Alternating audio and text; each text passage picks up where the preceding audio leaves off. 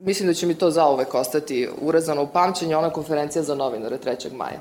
Dakle, izlazak uh, najviših predstavnika vlasti, ja sam posle pretraživala, to je bila jedna od najgledanijih konferencija za novinare, mislim, ikada. Šta smo čuli? Čuli smo dve stvari. Jedna je da su krive zapadne vrednosti, dakle, očigledno skretanje pažnje i bilo kakvo odsustvo volje da se pozabavimo sobstvenom odgovornošću i odgovornošću institucija, a drugo je bilo ono nesrećno pokazivanje spiska sa imenima dece, kršenje prava na privatnost i zalaženje u privatne podatke i to se posle nastavilo. Dakle, posle tog prvobitnog šoka, trećeg pa posle 4. maja, e, ja ne vidim nikakva, nikakav pomak. Nažalost, mislim da je Srbija 3. i 4. maja, a boga mi, nastavlja se to nasilje i tolerancija na nasilje. Nekako pokazujemo da smo otvorni na nasilje. Umesto da nešto uradimo, mi kao da se ponosimo time. Formalno se mnogo više priča o nasilju, formalno se sprovode razne neke mere, ali mislim da to suštinski ne doprinosi bilo kakvom zaista rešavanju problema. Dakle, nakon tih događaja vlada Srbije odmah izašla, rekao bi se, dosta ad hoc, reaktivno, sasvim jasno, sa dva seta mera i one su sticale, sad da ne nabrajam sve, ali između ostalog bilo je i raspoređivanje policajaca u školama radi unapređenja bezbednosti i pokrenuta je kampanja od 8. maja do 1. do 8. juna o dobrovoljnje predaje oružja, onda ona produžena do kraja juna. Pratili ste sigurno u medijima koliko je koliko je zapravo ona bila uspešna, ako mogu tako da kažem, budući da su, mora, očigledno je moralo da se nešto tako tragično desi kao ti događaje 3. 4. maja, da bi ljudi predavali oružja koji su zaista imali od, ne znam, minobacača, zolja, eksplozivnih materijala, dakle 80.000 komada oružja, preko 20.000 eksplozivnih sredstava i 4,5 miliona komada municije. Pokušali smo da izračunamo, to je nekih 40 puta više nego prethodne četiri kampanje koje su sprovedene od 2015. godine. Tako da policija je bila na ivici izdržljivosti, ako mogu tako da kažem. Dakle, povučeni su iz uprave kriminalističke policije, saobraćajne policije, policajci su raspoređeni u školama. Sad, kako su, da li su te mere doprinjene povećanju bezbednosti, one svakako u tom prvom a, trenutku verovatno jesu, dakle, pre svega da umire roditelji koji su nastavili da šalju decu u ostale škole, A, međutim, sva istraživanja koja postoje na ovu temu, uglavnom iz Amerike, jel te, budući da se tamo, nažalost, ima najveći broj ovakvih a, tragedija, ukazuju da to na duži rok ne povećava bezbednost a, u školama, niti povećava osjećaj bezbednosti, jer ako vi treba da ulazite u školu gde je stalno prisustvo policajaca, pa su pominjali čak da treba instalirati, to se srećem nije desilo, detektori za metal da pretražuju jel, terančeve dece, to sigurno neće doprediti bezbednosti. Tako da to je nastavljeno i kada je krenula nova školska godina. Tu smo pokušali da pratimo zapravo da li ministarstvo može uopšte da izdrže na, na duži rok da toliki broj policajaca dodatno angažuje. Ministar Gašić je u Skupštini Srbije, kada se raspravljalo o njegove smeni zapravo, predstavio taj izveštaj e, koji nije nažalost javno dostupan, ali ako poslušate, poslušate njegove izlaganje ili transkript, on je izneo podatak da će sigurno biti zapošljeno preko, na osnovu mera vlade Srbije, 1200 policajaca koji su neophodni i da će ove godine 1300 i nešto njih završiti kurs.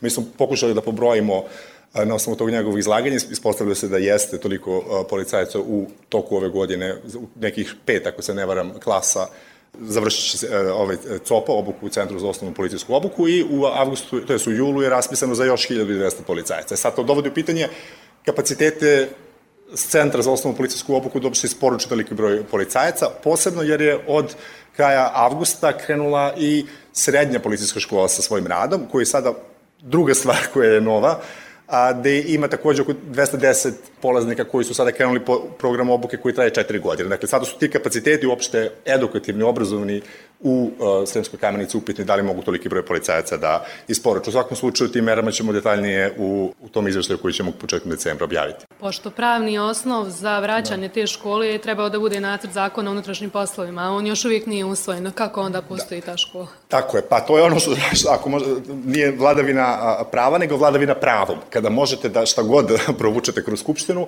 onda radite ono što ste naumili, pa nakon toga zakonom samo nakradno to zakonjujete. Dakle, u nacrtu zakona se pojavila, kada smo u decembru prvi put videli tu, tu drugu verziju, stajalo je dakle, da će se formirati u skladu sa posljednjim zakonom škola koja je inače ranije postojala, koja je ukinuta pre nekih 15 godina, da ne navodim sada razloge, dobro su poznati, verovatno, između ostalog i to da deca tog uzrasta nije prikladno da budu izdvojena, izolovana u jednoj takvoj instituciji, jer to utiče na njihovo poimanje, postupanje s građanima, na demokratske vrednosti u društvu i slično.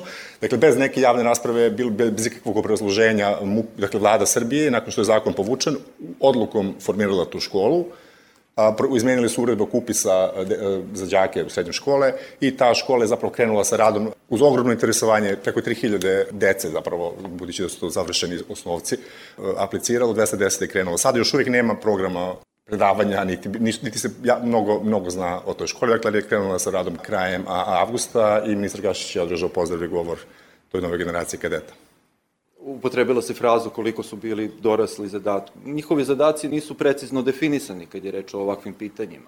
E, u suštini oni sami definišu šta hoće da rade, a šta neće da rade. I oni su u jednom trenutku pokazali opredeljenje e, da se razmotre razni aspekti ovih tragedija kroz jedan vid skupštinskog rada koji poslovnik poznaje, dakle anketni odbor. E, međutim, videli smo da se to završilo praktično pre nego što je i počelo i da, dakle, nije bilo prilike da javnost Srbije dođe do nekih informacija daljih, ne informacija o konkretnim događajima, jer ne može se naravno zalaziti u pitanje krivičnih istraga, već upravo o tome da li postoje neki sistemski problemi, koji su to sistemski problemi i šta može da se uradi da se e, ti sistemski problemi reše. Dakle, drugim rečima, imamo situaciju da je Skupština propustila da pomogne svima nama i drugim državnim organima i javnosti da se ti problemi prevaziću. To je jedna stvar. Druga stvar koju smo videli, to je jedna veoma duga sednica na kojoj je raspravljano o, o pojedinim, koja je organizovana, jel da, povodom pojedinih zahteva sa protesta za smenu, ne znam, ministra unutrašnjih poslova i drugih e, javnih funkcionera, koja se takođe završila bez e, rezultata, e, ne samo u smislu, u smislu tog e, razrešenja, odnosno nerazrešenja funkcionera, već praktično mi nismo saznali iz toga, iz čitave te skupštinske diskusije, odnosno nije Skupština dala odgovor na pitanje u redu, ako nije ministar unutrašnjih poslova odgovoran, ako ne treba on da snosi odgovornost, pa da li možda neko drugi u policiji treba, evo Jasmina je pomenula ono što je i meni bio e, najdrastičniji utisak kad je reč o onome što državni organi nisu radili kako treba, to je sasvim sigurno ona konferencija koju je sledila odmah nakon e, tragičnih događaja i pokazivanje e, imena dece. Da se osvrnem kratko, ako mogu, i na par drugih pitanja koje su vezani za Skupštinu. Dakle, ovo je bio jedan oročen saziv, oročen mandat Narodne skupštine i mogli smo tokom ovog e, mandata Skupštine da vidimo neke stvari koje smo viđali i ranije. Znači, obstrukcije, predloga koji su stizali e, od e, opozicijonih stranaka. Videli smo nešto što se još drastičnije možda pokazalo u ovim, ovih poslednjih nekoliko meseci nego ikada ranije.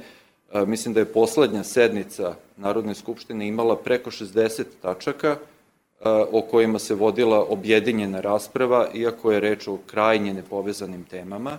I kao posledica toga, ne samo da nije bilo dovoljno vreme, vremena da se priča o budžetu, završnom računu, već su prošli ispod radara i ispod e, adekvatne diskusije neki zakoni sa veoma snažnim koruptivnim rizikom i tu pre svega mislim na ovaj poseban zakon o izložbi Expo 2027, o kome nije bilo nikakve javne rasprave, nikakvih vidljivih javnih konsultacija koji stavlja van snage zakon o javnim nabavkama za nabavke radova vredne preko milijardu evra i e, gde usled te objedinjene rasprave mi nismo imali priliku da čujemo kako i zašto u stvari narodni poslanici, pre svega jel da oni iz vladajuće većine, smatraju da je to nešto dobro.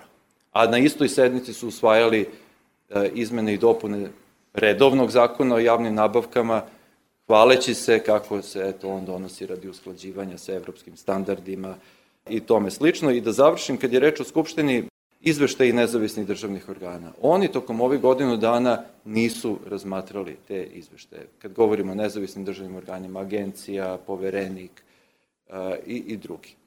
Da su razmatrali te izveštaje, oni bi mogli da pokrenu pitanje rešavanja ozbiljnih problema na koje oni ukazuju, i tu pre svega mislim na probleme koje svi mi imamo iz civilnog društva kad je reč o pristupu informacijama od javnog značaja, e, gde je praktično e, taj sistem zaštite blokiran, a e, Skupština je nije učinjela ništa jel da, da, da bi se pokrenulo pitanje potrebnih izmena zakona i, i drugih mera.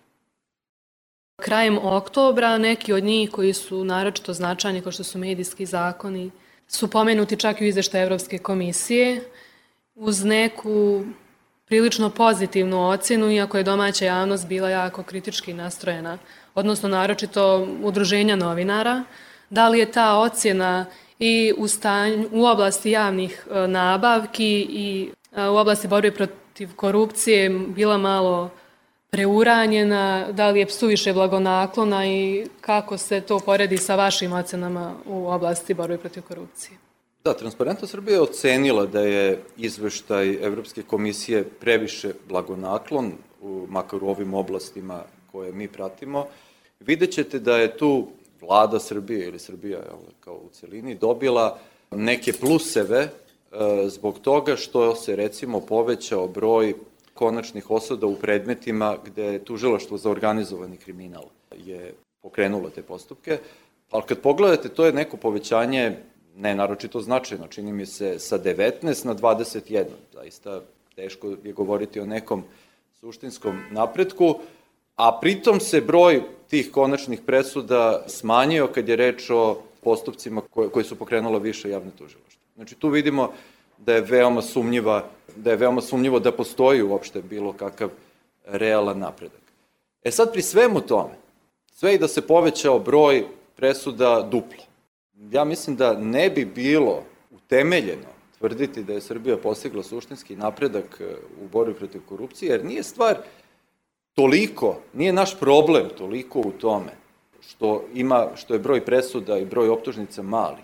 Koliko je naš problem u tome što se slučajevi vrlo ozbiljne i argumentovane sumnje na korupciju ne ispituju uopšte. Kada nema dakle, krivičnih prijava, kada nema optužnica, kada drugim rečima nemamo ono što se zove proaktivno postupanje tužilaštva. Data je pozitivna ocena za recimo oblast javnih nabavki. I data je zato što je Skupština Srbije ukinula zakon o linijskoj infrastrukturi, koji je tri godine postojao i koji je služio da se za neke od najvažnijih projekata ne primeni redovna procedura javnih nabavki. Evropska komisija je to tražila od Srbije, to je učinjeno i normalno je da je Evropska komisija dala pozitivnu ocenu. Međutim, da suštinskog napretka nema, a pogotovo da nema nikakve volje da se suštinski Srbija uskladi sa time što uh, Evropska komisija od nas traži u oblasti borbe protiv korupcije i u oblasti javnih nabavki, pokazuje malo prepomenuti primer posebnog zakona za EXPO, koji će imati još veće finansijske posledice e, nego što ima ovaj poseban zakon o linijskoj infrastrukturi. Imali smo priliku da u Evropskom parlamentu predstavimo izveštaj o ženskim pravima na Zapadnom Balkanu. Dakle, ne samo u Srbiji, nego ovaj, na Zapadnom Balkanu. Ja sam govorila o Srbiji, počevši naravno od onoga što, što mi radimo, ja kao predstavnica organizacije Astra, a naravno da sam morala da obuhvatim i delove koji se tiču ostalih prisutnih organizacija, a naročito oni koji se bave najtežim, kako bih rekla, sa fatalnim ishodom kao što je femicid, a to je autonomni ženski centar, I onda kada vidite um, na koji način je, na primer, um, autonomni ženski centar bio prisiljen da skuplja podatke o femicidu, vi shvatite kakav je odnos države prema takvom jednom pitanju. Znači, okončanje života jedne žene ili devojčice nasiljem i to uglavnom od partnera, vi da biste saznali, pošto nije definisano ni u krivičnom zakoniku, niti se vode adekvatni podaci, da biste saznali uopšte nešto o tome, vi prvo skupljate izvešte iz medija, pa onda idete unazad pa pišete institucijama nadležnim i slično. Da li EU ima sluha? Pa ja bih rekla da naravno da da, ali zavisi kako postavimo stvari. Ako pričamo o rodnoj ravnopravnosti kao takozvanom, e, kod nas je to prevedeno kao sve prožimajuća pojam, e, u tom smislu tu možemo da razgovaramo. Jeste, nije, prati se, prati se forme, radi i slično. Ali ako vratimo priču na to da je nasilje nad ženama, da je položaj žena i u ovom društvu i u ostalim državama Zapadnog Balkana odraz toga kako ta društva poštuju fundamentalna ljudska prava, kako e, poštuju pristup pravdi, kako poštuju sobstvenu vladavinu prava i te kako se promeni perspektiva. Članica parlamenta Moreti, koja je bila domaćica tog skupa, ona je krenula sa pričom o tome kako izgleda nasilje nad ženama u Italiji. Dakle, nije da ga nema, nije da u Evropskoj uniji toga nema, nego je davala primere i iz Irske i još iz nekih država na koji način sistem odgovara. Tu je sad, dolazimo do onoga. Društvo može da ima percepcije, predrasude kakve god, ali institucije bi trebalo da budu između, kao, kao tampon zona između toga kako će se stavovi društva preliti na, na ranjive grupe, najpre žene i devojčice. Jedna je stvar podleći određenim predrasudama koje određeno društvo gaji, da tako kažem, i izgovara se na takozvane tradicionalne vrednosti, a druga je stvar da vi kao institucija ili kao država koja je odgovorna za organizaciju svojih institucija i svih koji u njima rade, dopuštate određene stvari, žmurite i ne preduzimate uh, ništa. Bojane, kakav utisak onda ostavlja srpska policija koja već dvije godine nema direktora? Čita vrh MUPA je zapravo u, u VD stanju, stanju vršavaca dužnosti. Da li možemo da od takvog sistema očekujemo jačanje operativne nezavisnosti i odgovaranje na zahteve za odgovornošću? Apsolutno ne, da, da odmah na početku kratak odgovor. Dakle, kad imate tako obezglavljenu te, e, policiju, da je direktora policije u januaru će biti tačno dve godine kako ga nemamo, Mi smo pobrali da od četiri trenutno postojeće sektora, uključujući tu i sekretare ministarstva, svi su dakle u VD statusu. Dakle, načelnici sektora su po slovu zakona i pomoćnici ministra, svi su u, u VD statusu.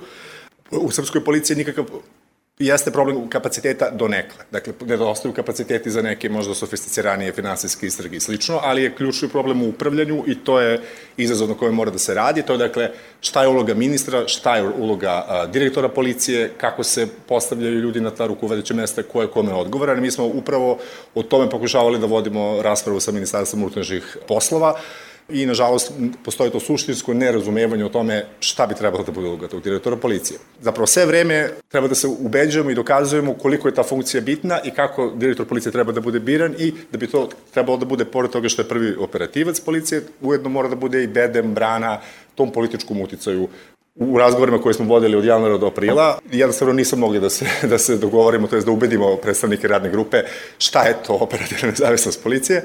Jedan od alarma istaknutih u ovom našem alarm izveštaju je i to da je zapravo načelnik sektora unutrašnje kontrole, koji treba da se bori protiv korupcije u policiji, u VD stanju e, i to da je imenovan treći put kao vršilac dužnosti, što je već nezakonito, jer zakon dozvoljava šest meseci pa još tri mjeseca.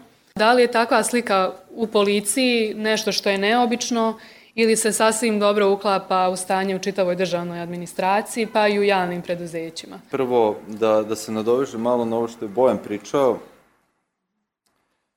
i vidimo šta se dešava sad ovih poslednjih nedelja. Evo, mi imamo sada neka hapšenja velikog broja, makar tako smo obavešteni, velikog broja, šta bismo rekli, ilegalnih migranata koji su posjedovali oružje, jel tako, i koji su učestvovali u nekim obračunima, na, na severu, kako je to nama predstavljeno? Predstavljeno nam je kao akcija koja je pokrenuta na osnovu inicijative, ja, sam, ja to dobro zapamtio, inicijative predsednika države, pa onda ministar unutrašnjih poslova saopštava o tome da je to, da postoji snažna volja da se uradi. Sad ja kao građanin ostajem sa nekim utiskom, neispravan, da policija do sada uopšte nije se bavila time, nego da je sad baš u ovom trenutku rešila da to radi, što verovatno nije tačno, verovatno i do sad bilo nekih akcija, e, ali one nekako nisu na ovaj način bile predstavljene. I mi uvek kažemo, pošto pratimo izbornu kampanju i pratimo ono što se zove funkcionerska kampanja, mi uvek kažemo kad je izborna kampanja, onda političari koji vrše javne funkcije treba da e, se trude da abstiniraju jel da, od svega onoga što bi moglo da se shvati kao promocija, njihova promocija u to doba, da obavljaju samo ono gde je baš neophodno da oni urade određeni posao. Konkretno, ako imamo stvari koje se tiču suzbijanja kriminala, onda bi to trebalo da nam saopšti ne ministar unutrašnjih poslova, koji je političar, već profesionalac, direktor policije, ali kao što smo čuli od Bojana, nema direktora policije. Da li onda ministar mora da saopštava te informacije? Mogo bi zamenik direktora policije, mogo bi neko drugi. Dakle, ne mora ministar, ne moraju političari da saopštavaju takve stvari tokom kampanje. To je jedan od rizika koji se odnosi na vede stanje u društvu i aktuelne, aktuelnu izbornu kampanju. Drugi veliki rizik a, se tiče javnih preduzeća. Mi u javnim preduzećima, u većini njih, imamo ne vršioce dužnosti, nego nezakonite vršioce dužnosti. Znači, ljude kojima je istekao svaki mandat, koji nemaju pravo tu da budu, koji nemaju pravo da donose odluke, a donose ih. I pošto su tako u nezakonitom mandatu, onda će ti direktori, kvazi direktori javnih preduzeća, da se vrlo lako odluče na to da izađu u susret eto nekim građanima, na primer, koji iskoriste, svaka im čast, izbornu kampanju da reše neke svoje probleme. Pa će kao u Kukulovcima i u nekim drugim selima u Srbiji da usledi asfaltiranje, hitno asfaltiranje puteva koji imaju rupe, pa će tako da se uvode do, bolja postrojenja u, u električna, vodovodna i tako dalje. Zašto? Zato što e, ljudi koji su na čelu tih javnih preduzeća su ne samo politički postavljeni, nego su u nezakonitom statusu direktno i e, lako će odgovoriti na svaki politički mig da urade nešto što može da pomogne vlastima u kampanji. Juče smo isto čitali čekamo još da se to potvrdi, ali da zapravo i Bezbednostno informativna agencija jača svoje kapacitete za vršenje policijskih ovlašćenja, kao što je hapšenje. Šta sad to znači, Bojane, za reformu policije i za borbu protiv organizovanog kriminala? Pa da, mi smo pričali malo pre o toj vedeizaciji rada Ministarstva unutrašnjih poslova i policije, a ovo je sada imamo i, i primer debeizacije policije, je tako? Dakle, odlivanja kadrova pre, prehodne godine i možda čak i duže iz bije u, u policiju, to je dovođenja kadrova. Nemanja pomenuo Colića koji je VD načelnika sektora unutrašnje kontrole koji je došao iz BIE, sekretar koji je takođe u VD statusu takođe je e, došao iz BIE i po svemu sudeći kako je, kako je tekla rasprava o nacrtu zakona o unutrašnjim poslovima, prom, biće promenjena ta odredba oko izbora direktora policije, da se omogući da i direktor policije dođe iz BIE kada, kada se ta izmena usvoji. To je jako loše, budući da je e, policija se bavi javnom bezbednošću, a po definiciji BIA je, bavi se državnom, tajnom nekom bezbednošću. BIA ima neka policijska ovlašćenja i ona mora da ih ima da bi se borila ja te protiv nekih opasnosti koji dolaze ka državi, ali takođe ima i određenu ulogu koju je Evropska komisija prepoznala kao praksu koja nije u skladu sa evropskim standardima, to je dakle ta uloga koju BIA ima u presretanju informacija, dakle u sprovođenju, sprovođenju specijalnih istražnih mera, dakle i sada i dalje policija mora da se oslanja na kapacitete BIA, dakle tehničke kapacitete BIA da bi mogla da da presreće komunikaciju, tako da to sigurno nije, nije dobro, a zaista ostaje sledeće godine kada se ponovo nacrt zakona u unutrašnjim poslovima nađe u proceduri da se izborimo da, to, da policija ne bude, da kažem, zarobljena od strane kadrova koji dolaze iz Bezbednostno informativne agencije. Da ne preskočimo i nešto što je definitivno obilježilo takođe izveštajni period, to je incident u Banjskoj. Da li misliš da je time na neki način se oglasio alarm i u međunarodnoj zajednici? Evropska komisija je prvi put u pogledu 24 u okviru bore protiv organizovanog kriminala pominjala slučaj organizovanog kriminala Belivuk Jovanjica, Šarić, a i eksplicitno pomenula da je neophodno da Srbija, to je institucije Republike Srbije, istraže e, šta se zapravo desilo u Banjskoj, dakle da istraže i obaveste javnost o tom slučaju. To je dakle jedna stvar, dakle sad imamo eksplicitnu preporuku Evropske komisije. S druge strane, a, samo mogućnost da je neko mogao da onako kako stoji u saopštenju Višeg javnog tužilaštva u Beogradu iz Tuzle preko međudržavne granice u okolini Beograda da transportuje toliku količinu oružanja, pa onda to prenese preko kopnene zone bezbednosti i administrativnog prelaza ili granice gde imate i kosovsku i srpsku policiju i pripadnike međunarodnih snaga, a da to niko ne zna ili da to tamo neko zna, a i to organizuje, ne zna se šta je gore zapravo ta dva scenarija, a jedino su ona, ta, ta dva scenarija verovatno. Tako da to zaista je potpuno prokrenulo situaciju što se tiče Srbije u pregovorima sa Kosovom. Srbija je od konstruktivne strane, kako je do tada bila, ili konstruktivnije, a, gde se međunarodna zajednica godinu i po dana strašne pritiske ulagala da se formira zajednica srpskih opština, sada vraćena na to da dokazuje da se zapravo, da ne spozoriše terorizam. Srbija već platila tu cenu koji, da bi platila cenu Banjske kada reč o pregovorima, budući da je prema onome što, uspelo, što smo uspeli da saznamo što je procurilo iz medija ili iz nekih iz, diplomatskih izvora, bit će izbori dakle, na severu Kosova negde u prvoj polovini sledeće godine.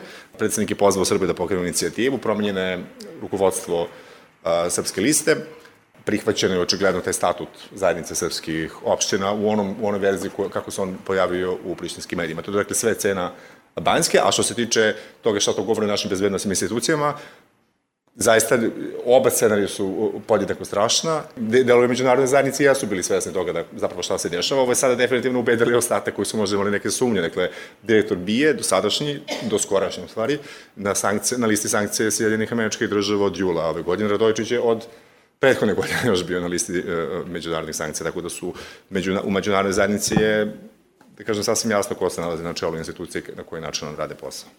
Nije direktor bio dosadašnji, doskorašnji, nego i da, daljašnji. Nije usvojen, da. I daljašnji zato što, zato što njemu mandat prestaje direktoru tek kada bude razrešena ostavka, tu ništa ne menja, dakle, mi ne znamo da li postoji neko ko je vršilac dužnosti, da li je, znači to nije saopšteno, kao što nije saopšteno ni da je, da je vlada donela rešenje o razrešenju.